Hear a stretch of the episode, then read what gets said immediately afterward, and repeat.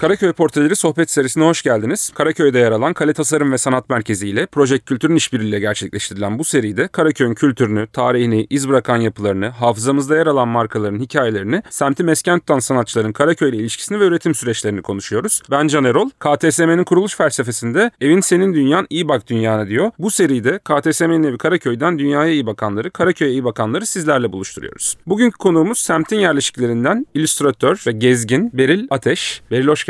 Hoş bulduk Can merhaba. Merhabalar. Nasıl gidiyor? İyi gidiyor diyelim. Zor bir süreçten geçiyoruz ama sen bu süreçteki paylaşımlarınla hakikaten pek çok insanın hem burada hem orada sesi olduğunu düşünüyorum açıkçası. Hani sanatçının da bilmiyorum böyle misyonlar yüklemek bence kimsenin hakkı değil ama varsa da öyle bir misyon fazlasıyla yerine getirdiğini düşünüyorum kişisel Çok teşekkür perspektifimden. ederim. Elimden geleni yapıyorum. Ankaralısın, Bilkentlisin. Orada grafik tasarım okuyorsun. Oralardan seni Karaköy'e götüren macera nasıl başlıyor? Onu biraz senden dinleyelim. Çocukluğuna kadar gidebiliriz ki senin web sitene girenler o ilk çizimlerini görebiliyor. Hakikaten o zaman bile bence bir buçuk iki yaş çocuk için gerçekten güzel çizimler bunlar. Kendi dört yaşında kızım var oradan rahatlıkla söyleyebilirim. E, nasıl gelişti bu süreç? Şöyle ben evet Ankara'da büyüdüm, okudum. Sonrasında çeşitli eğitimler aldım yurt dışında ve 2014'te İstanbul'a taşındım. İlk atölyem ev atölye olarak hayata geçti ve senelerce Nişantaşı'ndaki evim atölye olarak devam etti. İşlerime orada devam ettim. Sonrasında da e, abim Sina'nın da desteğiyle beraber bir atölyeye giriş yapmak istedik ve Karaköy'deki bugünkü atölyemizi kurduk 2019 senesinde. Peki Sina'nın mutlaka sor dediği soruyu da soracağım tabii. Bunu sonra sor.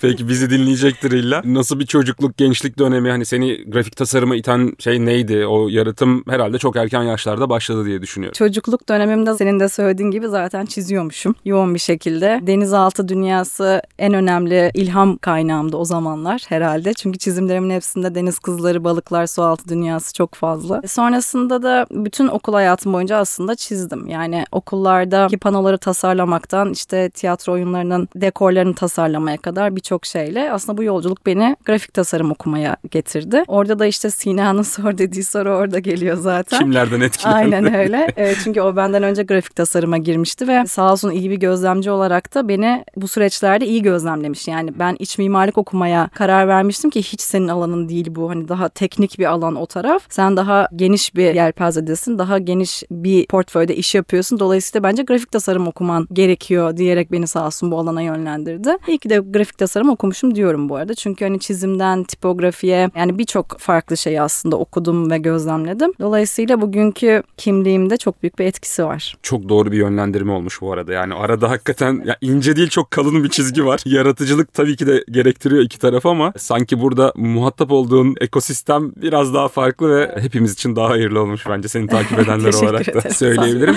Bir de şöyle bir şansın da olduğunu düşünüyorum. Senin jenerasyonun belki de illüstrasyonun işte grafik tasarımın altın çocuklarının olduğu bir jenerasyon. İşte sen, Ethem Onur Bilgiç, Sedat Girgin, Gökçe Yırten gibi böyle abin Sina Ateş gibi ya, muhteşem bir kadro var. Belki herhangi bir meslek grubunda bu kadar yetenekli insanların bir araya toplandığı bir dönem olmamıştır diye düşünüyorum. Sen bu konuda ne düşünüyorsun? O birbirinizi besleme hali var mı? Var tabii ki. Yani geçmiş dönemlerde de müthiş isimler var muhakkak. Şu anda birazcık daha sosyal medyanın etkisiyle de daha fazla sesimizi duyurabildiğimiz için aslında güzel bir komünite olarak da görülüyoruz. O yüzden hem geçmiş hem şimdi gayet iyi gidiyor bence. Çünkü onların öğretileriyle zaten bugünlerdeyiz. Ama daha da iyi gelişeceğini düşünüyorum. Daha güzel sesler çıkartacağımızı düşünüyorum bu konuda. Seni o üst jenerasyonlardan çok etkileyen çizimleriyle isimler var mı? Behiçak çok Behiçak. severim. O da bir Galatalı bu arada. Bayağı Galata Meydanı'nda Karaköy Galata artık iç içe geçti bizim bu seride. O yuvarlak halka meydanında bir köşede oturuyormuş. Onu da Öyle ben mi? öğrendiğimde epey Şahane. şaşırmıştım. Hep burada yaşamış kendisi. Bir gün tanışmak çok istiyorum kendisiyle. Vesile olurum bir şekilde.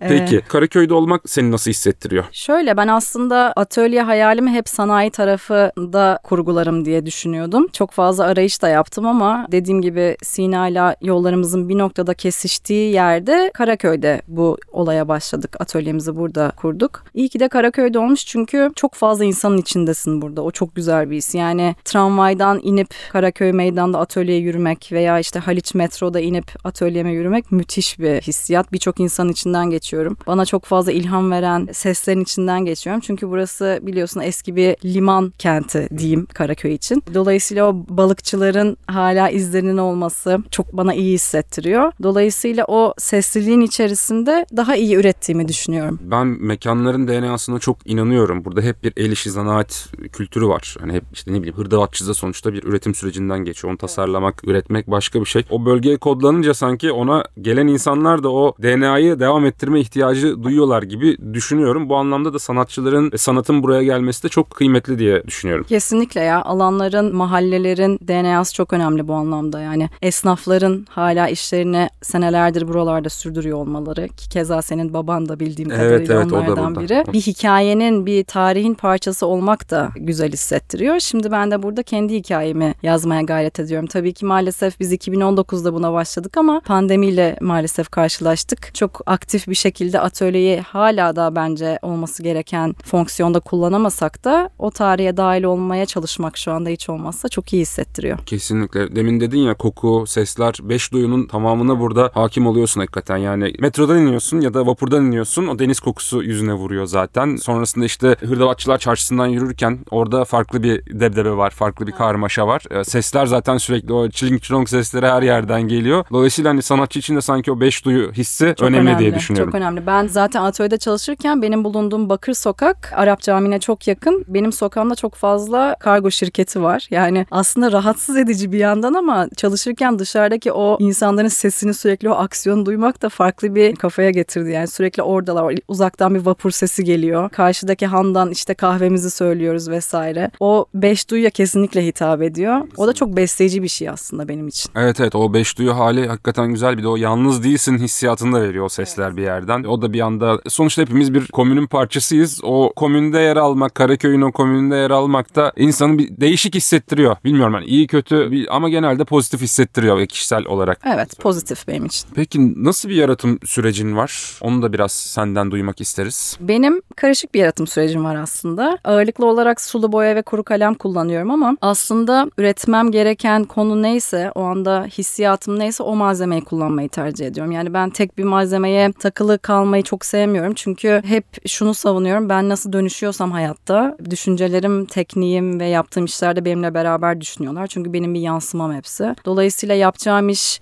o anda sulu boyayla hissiyatını daha iyi verecekse onu kullanıyorum. Pastel gerektiriyorsa onu kullanıyorum. Kocaman bir tuvali akrilik gerektiriyorsa onu kullanıyorum. Neon gerektiriyorsa onu kullanıyorum. İşte bunu üç boyutlu anlatmam gerekiyorsa ona göre bir malzeme buluyorum. Dolayısıyla sınırlı kalmamaya çalışıyorum. Birazcık daha kafamı bu anlamda son dönemde daha da açtım. Açmaya da devam ediyorum aslında. O yüzden keyifli bir süreç. Sulu boyadaki belirsizlik senin hoşuna gidiyor. Evet. Ee, Gördüğüm, okuduğum kadarıyla diğer röportajlarından da. Hakikaten öyle bir dünyada da yaşıyoruz ki belli konular üzerinde net bir görüş sahibi olmak da bazen çok zor oluyor. Belirsizlik halini yansıtmak için de sanat bence güçlü bir araç. Kesinlikle katılıyorum. Sulu boyanın o belirsizliği müthiş bir şey çünkü kağıt devreye giriyor, fırça kullanımın devreye giriyor, su kullanımın, boyanın oranı vesaire aslında hepsi bir belirleyici ve bir süre sonra senin yetkinliğin kadar onların da konuştuğu bir dil var kağıtta ve bir süre sonra bırakıyorsun e, süreci onlara bırakıyorsun yani. Onun çıkarttığı şey tesadüfi ve güzel oluyor ve onu kabul ediyorsun. Yani kabullenme süreci de var onun. Sen tuzlu su da kullanıyorsun. Onu kullanan var mı? Daha önce duyduğum bir şey değildi. Hani sulu boyada genelde işte normal su kullanır ama tuzlu suyun ayrı bir önemi var mı orada? Hani bir teknik detay sorusu da sormuş olayım. Tuzlu suyu aslında ben yazın yaptığım çizimlerden dahil ettim. Çünkü yani neden kullanmayayım ki o da bir su. İçinde tuz var bence müthiş bir etkisi var. Onun da aslında hem çizdiğim şeyle bir olması, yani denize dair bir şeyler çiziyor olmam hem de yaptığı etki çok hoşuma gidiyor. Daha önce kullanan var mı bilmiyorum. Benim öyle içimden geldiği ve hoşuma gittiği için ben sürecime dahil ettim. Çok keyifli bir malzeme. Bu arada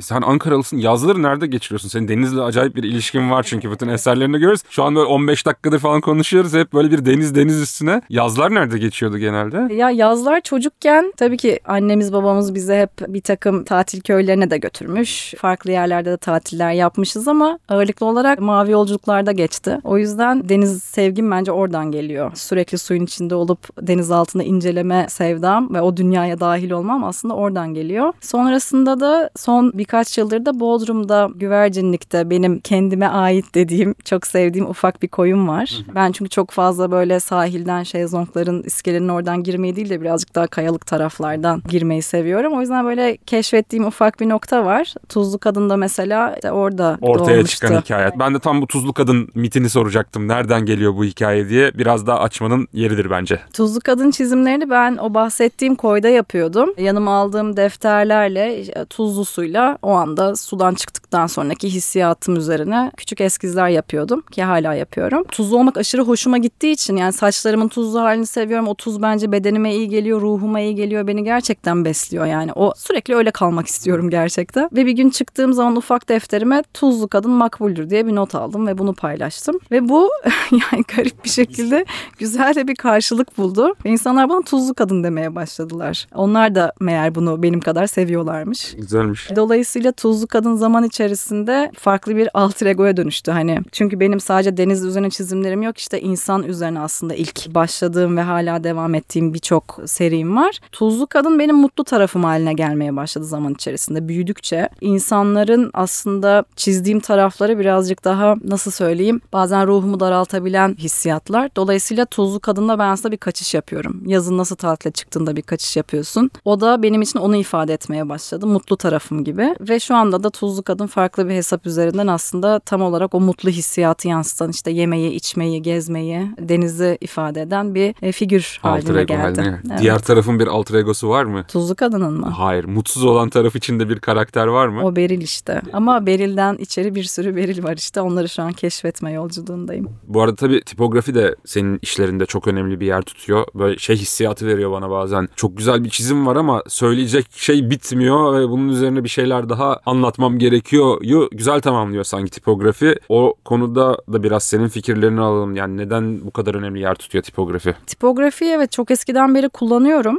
ve hakikaten çizimlerimin zaman içerisinde çok önemli bir parçası olduğunu ben de fark ettim. Çünkü çiziyorum ama çizdiklerimin söyleyeceği şeyler var sanırım ve ben onları yanlarına böyle serbest çağrışımmış gibi yani kafamdan bir şeyler geçiyor ve onun söylemek istediği şeyi oraya yazıyorum aslında. Ne kadar bilinçli bilmiyorum içimden gelen bir şey bu. Bazen karşıya anlamsız gelebilir. Bana başka bir şey ifade edip sana başka bir şey ifade edebilir. O belirsizlik de hoşuma gidiyor. Dolayısıyla tipografiyle çizimler hakikaten güçlü bir şekilde yürüyorlar çizimlerde. Böyle senin şu an yaşadığın oluyor mu böyle? Yani çizdiğim şeyle yazdığım şey arasında ciddi bir fark var. Bu da bir tutarsız bir durum yaratıyor gibi kendi içinde tutarsızlıklar yaşıyor musun? Tutarsızlık değil bence. Çizdiğim şeylerin mesela bazen çok neşeli hissettiren şeyler be- belki orada renk olabiliyor ama söylem olarak söylediğim şeyle bazen onu dengeliyorum bence. Zaten hayat zıtlıklarla Aynen tam olarak onu kastettiğimden sordum Aynen zaten. öyle. O yüzden sanıyorum o zıtlığı bir şekilde vermek istiyorum. Çünkü o dualite her zaman var hayatımızda. Bunun da daha güçlü ifade ettiğini düşünüyorum. Özellikle benim çizimlerimde. Kesinlikle. Bir de izleyici tarafından da bazen o anlaşılmayabiliyor ama biraz da sanat böyle bir şey. Herkes kendi heybesine ne doldurursa gibi bir durum söz ya konusu. Bunu buraya niye yazmış diye soruyorlar mesela. Yani o anki hissiyatım ve bana dair bir şey. Karşı tarafın bunu aldığı şekliyle de değerlendirebilirsiniz tabii ki. O da hoşuma gidiyor. Çünkü çok farklı yollara çıkabiliyor. Öyle bir çeşitlilik yaratıyor aslında. Bazen de şey böyle çok net olanlar da var. İşte bu senin kabak çiçeği çizimi var mesela doyamazsın yazıyor üstüne mesela. Evet, onlar çok net. Benim en sevdiklerimden bir tanesi bu arada. Ben de kendi adıma favorilerim de böyle bir kenara not etmiştim. Boop da öyle mesela. Boop'taki mesaj da çok güzel ve bir O hangisiydi? Meme ucu. Aa, aynen aynen onlar doğru. Evet. O da güzeldi. Bir taraf kapanır bir taraf açılır. Aynen öyle. Light and Down'u çok beğendiklerimden gerçekten. Teşekkür ederim. İstanbul görselleri üzerine hepimizin bir fazla içerikle maruz kalıyoruz ama senin işlerin hakikaten orada da bir farklı bir rota çizmiş durumda. Evet bir benim yaptığım birazcık daha hissiyatı çizmek. Ben hep hissiyat çiziyorum bence. Tabii ki bazı kurumsal işlerde bunu birebir görsel olarak aktarmam gerekiyor ama kendi çizimlerimde bana özellikle bir Ankara olarak İstanbul çok fazla şey ifade ettiği için çok besleniyorum buradan ve İstanbul'un hissiyatını resmetmek de çok keyifli. Kesinlikle. Semt senin çizimlerinde ve sloganlarında, tipografinde ne kadar yer tutuyor? Onun böyle bir birebir ilişki kurmak mümkün mü? Mümkün tabii ki çünkü az önce bahsettiğimiz gibi aslında buranın o beş duyuya hitap etme şekli, o sesleri, balıkçılar, işte tramvaydan inip atölyeye yürüme süreci, birine afiyet olsun demek, rastgele demek ve aslında bu söylemler benim, ben Türk kültürünü de hani çok sevdiğim için biraz arabesk tarafa da kaydığı için bazı şeyler bende. Çok seviyorum, besleniyorum burada olmaktan. Doğu bir de hani hakikaten selam vermeden bir yere gitmen çok mümkün değil Değil. Karaköy'de. Öyle bir Değil, da güzelliği de var. güzel. İşte o bizim kültürümüzün bence en güzel noktalarından biri işte. Kesinlikle. Nadir Güllü de bahsediyordu ya işte hani herkese bir selam veririz öyle başlarız. Kendi işlerinde de o şekilde kendi ustasına da selam vererek öyle başlıyorlar işte. Evet müthiş. Güzel bir kültür. Bunların korunacağı uzun yıllar yaşarız umarım Karaköy'de İnşallah. hep beraber. Peki biraz semt özelinde ufak ufak sorularımız var. Orada da güzel yanıtlar gelecektir diye düşünüyorum ki hani sizin atölyede Sina ile sen bana çok enfes bir Türk kahvesi ikram etmiştiniz. O yüzden güzel bir zevk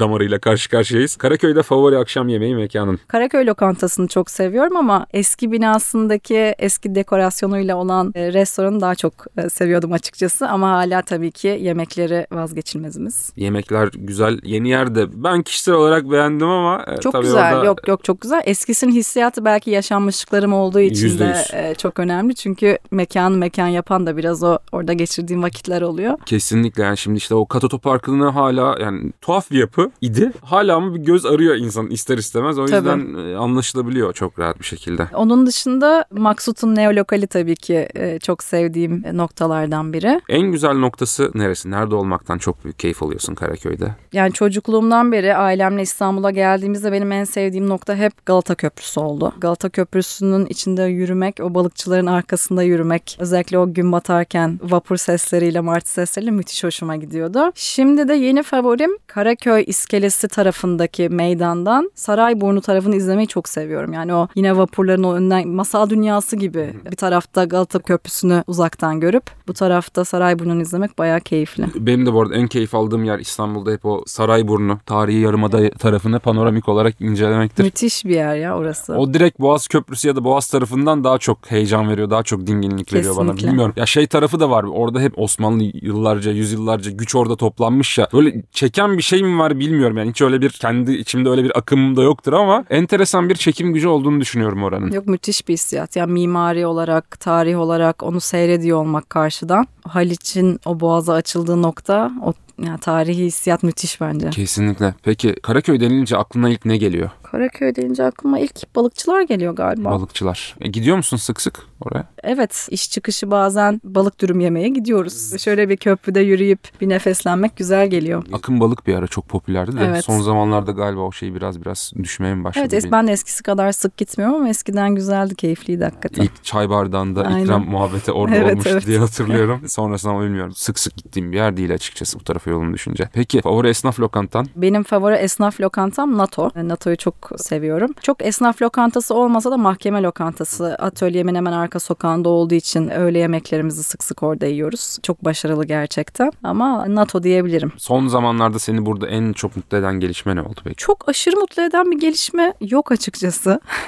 Ama sanıyorum Haliç sahilin toparlanması güzel bir gelişme. Ama daha fazla kamusal alan istiyorum aslında ben. Kamusal alanın çok çok önemli olduğunu düşünüyorum. Galata Port tarafı da mesela aynı şekilde. Bir yeri kamusal alanlaştırma konusunda sıkıntılarımız var bence. Çok bir şeyler yapmaya çalışıyorlar. Çok güzel ama daha fazla oturma alanı çöp kutusu mesela gibi. Böyle çok basit ve insanların aslında gerçekten güzel bir araya gelebileceği yerlerin olması, nefeslenecek böyle bir kafalarını dinginleştirecek yerlerin olması güzel. Bu anlamda herhalde yeni değil ama güzel bir gelişme. Bu galiba peyderpey açılıyor. İşte Katoto Parkı yıkıldı. Şimdi orasının bir meydanlaşma durumu var. Ne olacak? Umarım güzel bir sonuç çıkar ortaya. Yakın zamanda bu podcast serisine hazırlanırken hatta Karaköy özelinde araştırmalar yapıyorum. Ahmet Mümtaz Taylan'ın Gain'deki semtler üzerinden yaptığı bir program vardı. Orada Karaköy bölümünde bu Mimar Sinan heykelinin bulunduğu meydan da hala işte bakım halindeydi. İşte diyordu yani buraları yapan işte kurşunlarını vesaire yapan adamın heykelini bile göremiyoruz gibi bir sıkıntılı durum vardı. Şimdi orası açıldı mesela ferah bir alan orası. Umarım diğer alanlarda da daha böyle kamuya açık daha fazla insanın faydalanabileceği alanlar yaratabiliriz. Çünkü buranın o dualite hali güzel yani bir yandan iş hayatı devam ediyor. Üst tarafında işte bankerler eski bankerler şimdi bankalar caddesi yani hayat farklı katmanlara bölünmüş ama herkes bir arada çok güzel yaşayabiliyor. Aynen tam olarak İstanbul'un küçük bir Prototipi. e, prototipi gibi aynen. Çünkü o tarihi binaların içinde şimdi çok güzel restorasyonlar yapıldı zaten birçoğunda. Sergilerin devam ediyor olması işte Bienal vesaire birçok sanatsal etkinlikte devam ediyor. Bunlar tabii ki müthiş gelişmeler. O ikisinin bir aradalığı müthiş bir hissiyat hakikaten. Evet keza işte bu program serisini beraber yaptığımız Kale Tasarım ve Sanat Merkezi'nde hani çok güzel sergileri oluyor. Dolayısıyla hani burada o dualite hali, o çok seslilik hali oldukça besleyici herkes adına. Hem üretici tarafından hem izleyici tarafından. Beril teşekkür ederiz konuğumuz olduğun için. Rica Karaköy'ü bir de bir sanatçı perspektifinden dinlemek çok hoş oldu bizim için. Ben teşekkür ederim. Sana da KTSM'ye de çok teşekkür ederim beni davet ettiğiniz için. Rica ederiz. Kale Tasarım ve Sanat Merkezi ile Proje Kültür'ün işbirliğinde gerçekleştirilen Karaköy Portreleri sohbet serisi ilerleyen bölümlerde devam edecek. Bizi takip etmeye devam edin.